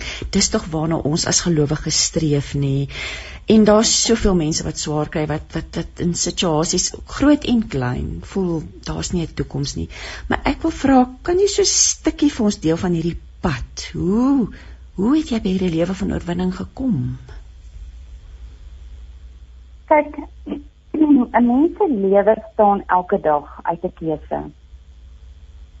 'n Keuse van die omstandighede waarin jy geplaas is. Ek het die tweede dag in die hospitaal het ek voor 'n keuse gestaan.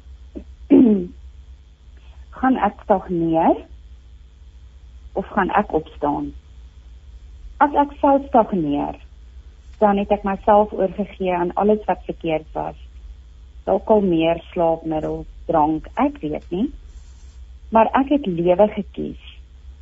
En omdat God se direkte instrument in my hand gesit het daai dag tydens die gebeure, het ek daai instrument elke dag gebruik om te voluit te lewe. So ek wou nie net elke dag lewe nie. Ek wou voluit lewe. Ek wou opstaan want ek het lewe gekies. Ek is wel verneder waardeur ek is. Maar is Ina skaam? Nee, verseker nie. My lewe bestaan, ek gebruik dit as 'n voorbeeld. Ek sit in 'n kar. Dit wat in my drie speeltjie is, is dinge wat verby is daar's definitief in jou en in my lewe baie dinge wat ons sou wou verander maar ons het nie die reg of die voorreg om dit te kan doen nie. Maar die vooruit wat voor my en jou is kan jy links kyk jy kan regs kyk jy kan vorentoe kyk maar die belangrikste van 'n vooruit is 'n mens kan opkyk. En dis die krag wat ek elke dag gekry het van opkyk van die Here het beheer in en oor my lewe geneem. Daar ek wil nou vir jou vra, ek het ek het so baie vrae vir jou dit, dit ons Ja, dit, ek wil hê mense het eintlik omtrent waar om te begin, maar ek wil ook vir jou vra oor die geloof. Hmm. Was jy gelowig voor die insident? Het het hierdie jou geloof verander? Was daar tye wat jy vir die Here kwaad was? Hoe watter rol het jou loof geloof gespeel in al hierdie goed wat met jou gebeur het? Ek is nog altyd 'n kind van die Here. Ek was nog altyd 'n kind. Maar met hierdie gebeurtenis, dis half of 'n ou 'n ander manier het om 'n ou se geloof uit te leef. Want onthou net, die dag met die voorval, skiet ek net kort kort terug verwys na die dag se gebeure. Ja. En ek vra vir die vir my boek sien waar. En nou nee, ek in die boek begin ook natuurlik. Um ek kan dalk so 'n stukkie daaruit voorlees. Miskien sal dit konteks gee vir persone wat dalk nie weet nie. Is dit oukei okay as ek 'n stukkie voorlees? Jy kan, jy kan ja. Ek gaan lees vir ons uh, 3 Januarie 2012. Ek en Kotse het in die gang afgestap. Hy het by my die eerste hy het my by die vir die eerste vertrek laat inloop. Dit was skuins na 3 in die middag, maar ek het opgelet die vertrek is donker omdat die gordyne toe was. Ek het net my handsak op die bed, bedkassie neergesit toe ek met die op opkomslag voel hoe iets oor my gesig gegooi en ek met 'n kragtige beweging teruggerig word, teruggeruk word. Ek het myself probeer oplig deur met my rug teen sy maag te druk en teen die deurkosyne vas te skop, maar kon dit nie regkry nie. Die volgende oomblik het my hard en met geweld die kamer ingestamp. Ek het op my maag bo op 'n boks op die bed was te lande gekom. Die handdoek het intussen van my gesig afgekom en onmiddellik probeer omdraai om op te spring en ek het begin skree. Ek wou weghardloop. Een man het agter die kamerdeur uitgekom, die ander een half uit die ingeboude kas wat in die voetenend van die bed gestaan het en die derde van die van langs die losstaande hangkas agter die kamerdeur. Skielik was daar drie vreemde mans voor my. Daar was swart seikas oor hulle koppe. Ek was geskok, beangs en benoud en het begin gil. Ek het nie geweet wat aangaan nie, maar ek het dadelik besef ek is in groot gevaar. Ek het weer probeer opkom, maar Kotse het my hart teruggestamp en wydspen bo op my kom sit. Hy het my met sy vuiste in my gesig en oor my hele bolyf begin slaan. Bind haar vas het hy die ander beveel. Daar was toe Daar was reeds toue en kabelbinders aan die kopstuk van die bed en vensterbank waaraan hulle my kon vasmaak angs het my oorweldig. Ek het alles in my ek het met alles in my weer na hulle begin skop en hard om hulp geskree en hoe meer ek gespartel het, hoe meer het kotse my met die vuiste in sy plat aan deur die gesig en oor die bolyf geslaan. En dan gooi gaan dit so aan en jo, dit en as en ja, ja. So ek wil nie die storie weggee maar ja, Ina. Die daardie dag wat het gebeur tussen jou en die Here? Daardie dag terwyl alles gebeur het, jy's magteloos. Dan besef jy ou eers hoe nietig en hoe klein is 'n mens eintlik. En terwyl al die goed gebeur het, ek letterlik met oop oë gebid en gesê Here, as dit u doel is dat ek hierdie aanval vandag gaan oorleef, hou my denke suiwer. En dis asof ek letterlik uit my liggaam uitgelig is en langs my verplaas is op daai bed. Ek het letterlik alles geobserveer wat besig was om te gebeur. So met dit alleen het ek vir Here gesê, as ek die aanval gaan oorleef, gaan ek sy naam prys en ek gaan hom eer. Dit was een van my getuienisse. Die volgende getuienis wat my geloof my lewende getuie eintlik as skets meer van toepassing is is om te sê daai naweek wat ek op 'n plaas was die 29ste Maart 2013 waar ek op daai stadium het ek werklik gedink ek het met die Here net gepraat. Maar in my motiveringspraatjies erken ek dit dat ek met die Here beklei het. Daai hoekom daai waarom vra wat net weer oor en oor gerol het hoekom kon raad hoekom is ek nie geneem nie Here, neem asseblief my kind se hulpkrete weg. Here, was Konrad bewus dat ek in die kamer langs hom was, dat ek bereid was om te sterf dat hy moes lewe. En terwyl ek so met my toe oë sit en trane wat oor my wange rol, het ek die volgende oomblik 'n koel wyntjie oor my linkerarm ervaar. Is iets vir my wou sê, Ina, maak oop jou oë en kyk op na bo. En in daardie oomblik wat ek dit gedoen het, toe ervaar ek 'n gesig in die wolke wat aan die hand van die Here met 'n kwas vir my geskilder is. My foon het op my skoot gelê. Ek het my foon opgetel en ek het daai gesig in die wolke afgeneem. Daar het ek begin vrede ervaar. Dat Konrad bewus was ek was daar. dat Konrad bewus was ek was bereid om te sterf dat hy moes lewe en daarvoor het ek werklik begin vrede ervaar kom ons praat oor vergifnis want dis 'n woord wat ons so maklik gebruik en maar so moeilik is om te doen. Kan jy dalk iets met ons deel oor jou pad van vergifnis wat jy moes loop? Ek vergifnis is 'n baie 'n baie sterk woord. Hmm. Ehm um, ek sien net die woord sê ek en jy moet vergewe. Ja. Maar daar's nie tyd gekoppel aan aan vergifnis nie.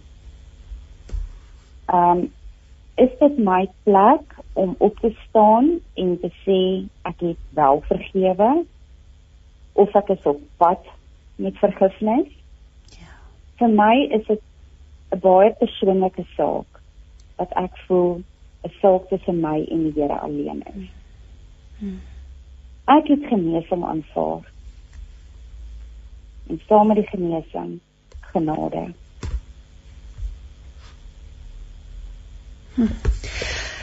Kom ons praat 'n bietjie oor geweld, vroue wat aan geweld blootgestel is, want ek wil ook vir jou vra is daar 'n rede hoekom die boek ek ek verglo en vertrou dit gaan vrouens help. Ek weet jy wye hoofstuk daaraan. Ons gaan nou-nou praat oor vrou wees na seksuele skending. Maar wat wil jy vandag vir vroue sê wat aan geweld blootgestel is? Dis nou al 'n klomp jaar terug en daar het al groot stukke genesing in jou lewe plaasgevind, maar daar's vrouens wat luister vandag en en blootgestel is aan geweld binne die gesin wat deur verkrachting is. Wat wil jy vir hierdie vrouens sê vandag? Wat geweld volgens my is ook 'n wye spektrum. Dit kan emosionele mishandeling wees. Hmm. verbale mishandeling en fisiese mishandeling.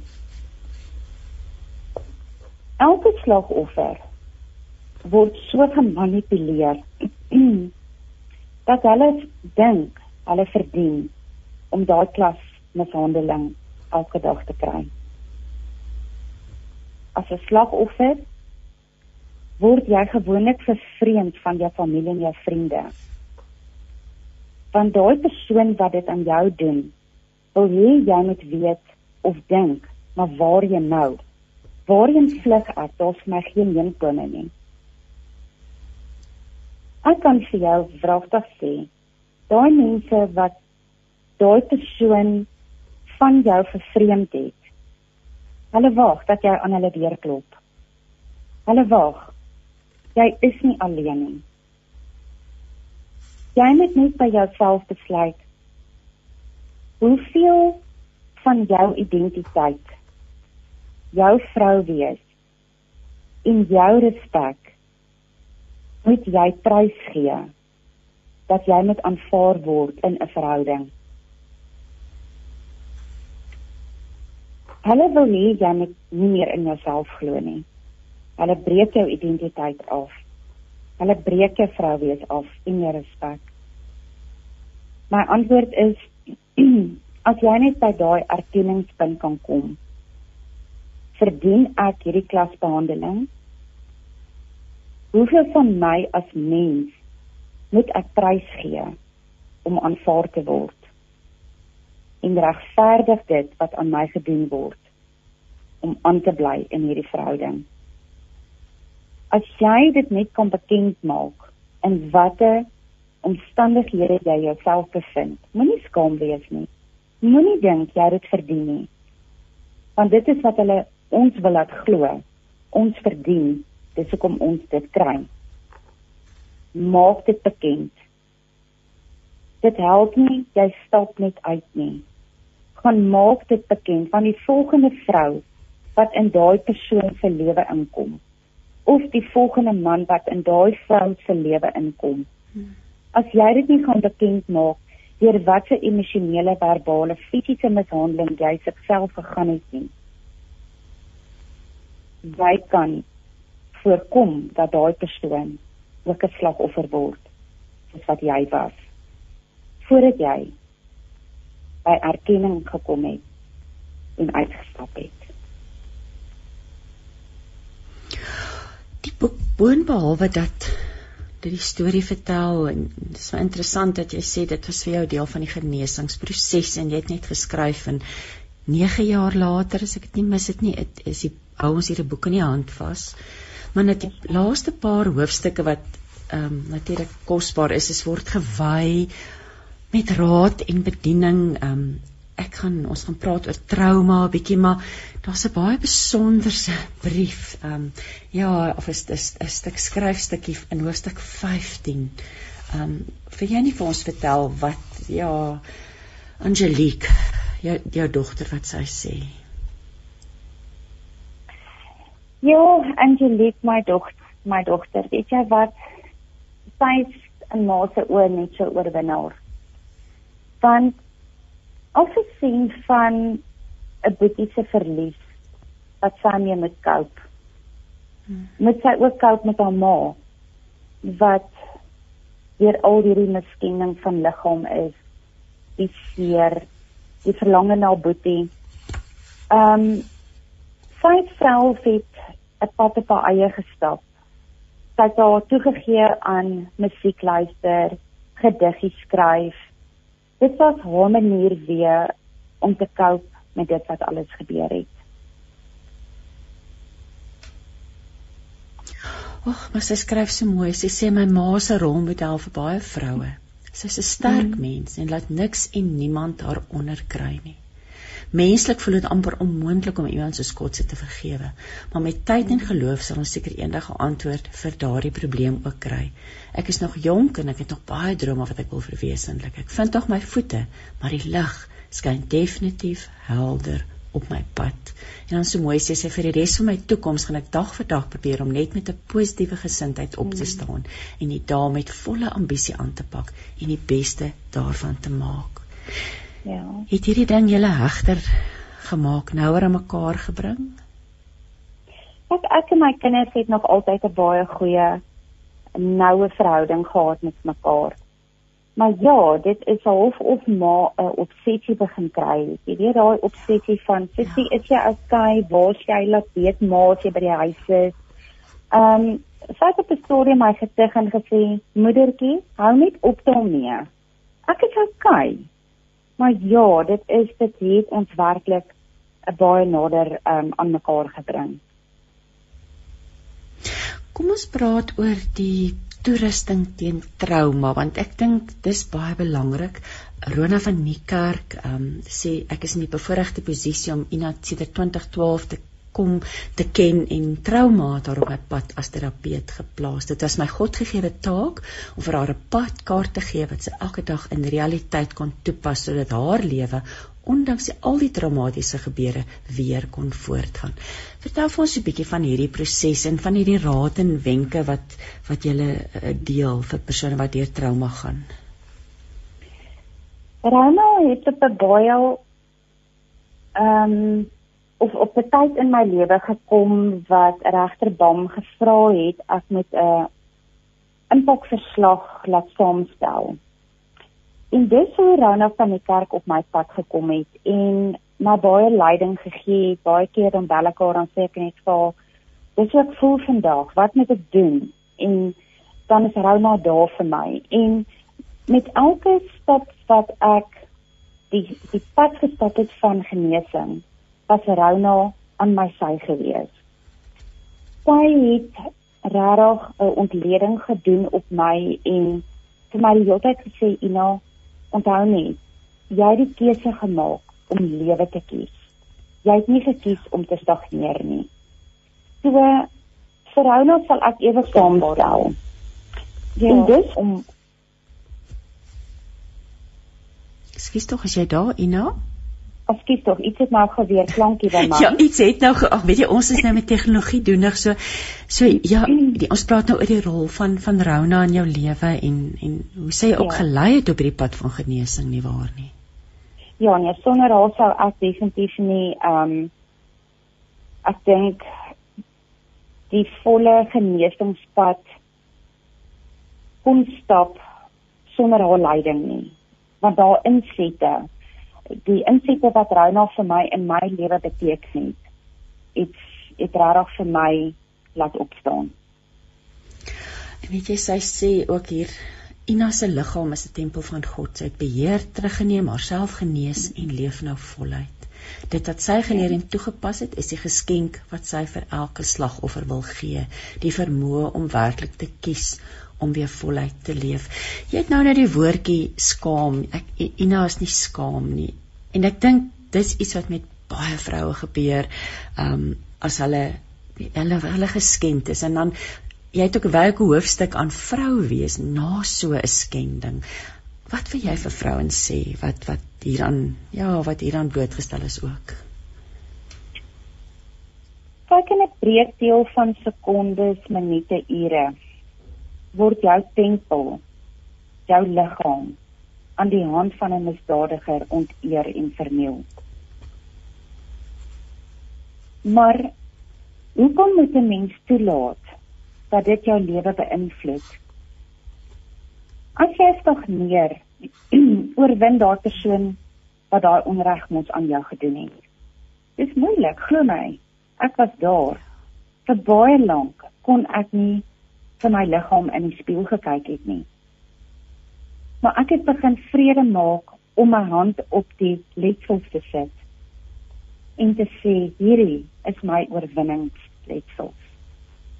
As 'n mens net by daai keuse kan kom van jou liggaam is onmenslik geskenk. Jou vroulikheid, jou verfynheid, jou liggaam wat geonteer is. Hoekom hoekom wil jy toelaat dat dit die res van jou lewe jou keuse van lewe kies beïnvloed?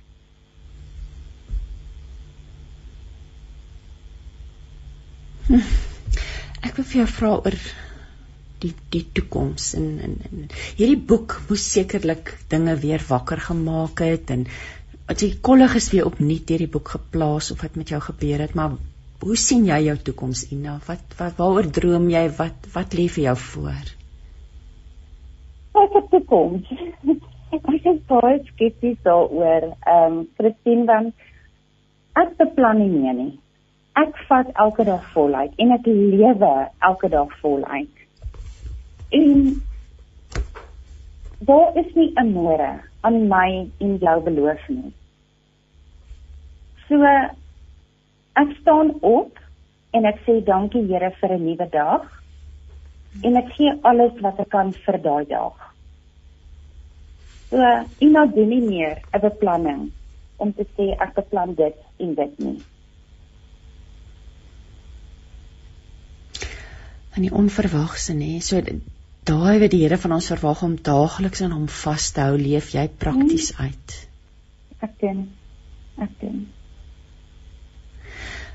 Laaste gedagtes van jou kant af Ina, ek wil vir ons ek gaan ook ehm um, afsluit met hierdie pragtige gedigte wat jy geskryf het. As jy nie omgee nie, gaan ek dit graag voorlees ook vir ons luisteraars.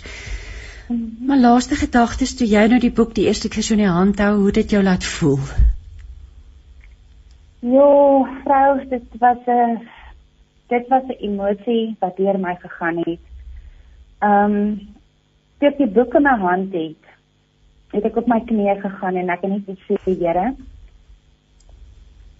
dit wat hier staan, moet U nou wegneem. Al wat ek wil onthou, is die datum van die 29ste Maart 2013 waar u my lewe laat verander het met u lewende getuie van die gesig in wolke. En ek het ek het rarig net my oë gesluit. Met elke onderhoud wat ek daarna gehad het, ek kon nie datums onthou nie. Ek het letterlik gaan probeer onthou van datums. Want die Here het weer eens my hulp krete gehoor en gesê, Here, nou neem U weg. Ek het hierdie pad gestap. Ek het gesond geword deur U genade alleen. So dit was vir my die wonderlikste Ek kan dit regtig nie eintlik in woorde beskryf hoe dit gevoel het om my eie boek, my lewensverhaal in my hande te hê en net elke keer die dankbaarheid van die Here te kan ervaar waardeur ek nie net die 12de Januarie was nie. Of die 3de Januarie 2012 was nie. Maar die vorige kere wat ek probeer self moord pleeg het ehm um, wat die Here se hand oor my was en ek het net besef hoe groot en hoe goed die Here is. So dit was 'n wonderlike gevoel. Ja, jy sluit ook die boek af oor die Hier, ons het daaroor gepraat 'n bietjie vroeër, maar mens kan dit nie genoeg beklemtoon nie, die belangrikheid van keuses. Mm. So laaste gedagte daaroor van jou kant af. Ehm, um, laaste gedagte van keuses. Jy moet in jouself glo. Jy moet nooit toelaat dat enige iemand jou identiteit, jou vrou wees, jou mens wees van jou ontneem nie as jy 'n keuse kan maak om die Here in en oor jou lewe toe te laat, gaan jou keuses elke dag net baie makliker wees. Daar's altyd 'n beter môre as 'n slegte gister. En dis wat die Here ons beloof nê en die uiteindelike wonderlike môre wat op ons wag in hiernamaals, nê. Ja. Ek wil met jou toestemming graag hierdie gedigte voorlees, Ina. Ehm um, so ek weet nie of jy by lyn wil bly of ek o, ek wil vra waar kan mense voordat ek afsluit met die gedigte, waar kan mense op die oomblik hierdie boek in die hande kry? Dit is ehm um, by Koen Boeke, Morgan Books, kyk 'n lot in all En ek weet in Modi Molly self is daar nie ehm um, op hierdie stadium 'n uh, winkel wat dit op hulle rakke het nie, want ons het nie boekwinkels nie. Maar ehm um, dit is by my self bekombaar. Ehm um, die mense kan dit direk by my wat bestel. Ek wil ook vir jou vra tree jy nog op as motiveringsspreker ook? Ek doen. Ek gaan ook nou die 14de November is ek in Vryheid. Ehm um, is ek nou weer 'n bevoorreg om daar te gaan staan ehm um, maar hierdie keer as 'n oorwinnaar. So ek 2013 by hulle was, was ek nog die slagoffer van die Molly monster. So dit is my eerste praatjie nadat my boek, ek fisies my boek in my hand het om te sê hier staan ek voor julle as 'n oorwinnaar. So ek sien so uit na daai na die 14 November. Ag, ons sien saam met jou uit en ons prys die Here daarvoor. Jy kan sê jy gaan as oorwinnaar daar staan. Ina, waar kan mense as hulle jou met jou wil kontak maak oor die boek? Is daar 'n e-posadres as iemand graag die boek direk by jou wil bestel? Ja, hulle kan my ehm um, e-posadres gebruik ina .bonet Ja. B O N E T T E psg.co.za. Ek gaan net daardie e-posadres herhaal as jy graag die boek wil in die hande kry of dalk um, vir Ina wil nooi om by jou gemeente te kom optree. Dis Ina i n a .bonet b o n n e t t e @psg.co.za. Ina, mag die Here jou seën. Ek eer jou vir jou dapperheid en die waagmoed en die moed wat jy gehad het om hierdie boek te skryf en mense se lewens aan te raak. Wie dink jy sal graag hierdie boek wil lees? Wie het jy in gedagte gehad toe die boek gepubliseer is? Toe die boek geskryf is en hy word geëdit, toe was daar amper 'n ou beperking op my boek geplaas. So ek moet woordkeuses gaan verander sodat elke persoon daar buite hierdie boek moet lees. En vir my gaan dit oor nie ouderdom nie, vir my gaan dit oor al is jy in die laerskool, al is jy in die hoërskool, al is jy in 'n verhouding of al is jy in 'n huwelik. Elke persoon daar buite moet hierdie boek boek lees. Want deur my verkeerde keuses in my lewe het ek met 'n maatstaaf binne in my boek met Rona professor ehm um, Besidenhout 'n handleiding gegee om te sê weet jy wat jy hoef nie alleen deur hierdie trauma te gaan nie. So elke persoon daar buite moet hierdie boek lees. Om die grootheid om die grootheid van die Here se genade weer eens te kan ervaar. Want jy kan opstaan. Hier's nou iemand wat weer vra wat is die boek se naam? Die boek se naam is Ina, 'n verhaal van genade en genesing geskryf deur Ina Bonet met wie ek nou net gesels het. Die uitgewer is Luka. Hulle is 'n onderafdeling, hulle is die Christelike uitgewers en 'n onderafdeling van lapa.co.za. Ek glo ek gaan meer lees daar ook. Ons het aan die einde van ons tyd gekom, maar ek wil baie baie graag afsluit met hierdie pragtige skryfstuk deur Ina um, en dit is geskryf 2020 12 16 Desember 2020 en dit sê my liewe mens my oë kyk lank na 'n foto van jou. My oë sien raak hoe jy in die lewe en aan vergeet probeer vasklou. Ina ek sien die pyn aan jou mond jou lyf en jou kyk. Glimlag dalk skeef. My siel kan nie seer en jou siel nie miskyk nie my verstand probeer om jou pyn regtig te verstaan het lank gedink en toe knoop daardie brawe regop staan en stap van jou die knoop los en ek skryf vir jou. My geliefde mens, ek sien die Waterberg in jou staan en stap, die heilige berg. Ek sien Waterberg se rotse wat kiets regop staan, net soos jou eie staan, my mens. God skryf elke traan wat jy huil oor jou kind en oor jouself in 'n boek neer sodat hy elke traan kan troos, net soos hy dit kan doen. Ek gaan skep 'n emmertjie heilige water uit die Nylrivier. Dan gaan pluk ek 'n sagte klos klosie veldblommetjies waarmee ek jou vir 'n klein bietjie vir die vir jou 'n klein bietjie troos probeer bring. Ek vra vir waterbok om langs jou te stap en jou voetval voetval te keer teen val. En toe kom sy te swaalk op my skouer en sê: "Ina is ons waterberg. Ina is ons Nylrivier. Ina se siel is ons voortrekker monument van die waterberg. Is die geboorte van die voortrekker monument." Om as volk ons as volk aan jou vas en na ons troos jou ons pas jou op. Ek het 'n engel op die waterberg vir jou en jou seun gaan neersit en 'n botteltjie hoop in die heilige rivier gaan strooi. As jy mooi kyk sal jy hom sien. Glo net jy's 'n rots.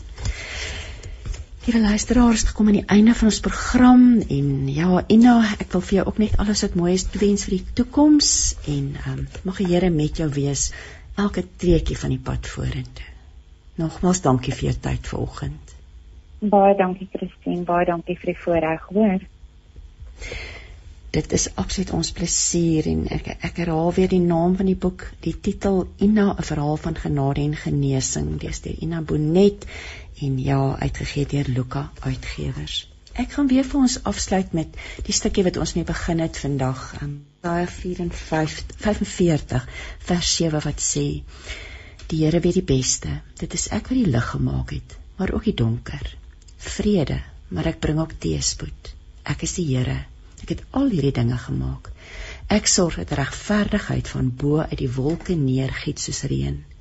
Ek laat die aarde geregtigheid indrink. Ek laat redding en geregtigheid soos 'n plant opskiet. Ek is die Here wat dit alles laat gebeur. Ek wil dankie sê vir Maxwell Singweni vir die tegniese bystand vir oggend. Ag liewe luisteraar, mag die Here jou seën. Mag ons mekaar in die oë kyk en oor hierdie moeilike goed praat want so leer ons en so leer ons om mekaar beter te verstaan, meer lief te hê en ja, nie weg te kyk omdat 'n ander een se seer vir ons te erg is om te hanteer nie. So mag Here met jou wees en ons kuier weer volgende week heerlik saam hierop met hart en siel.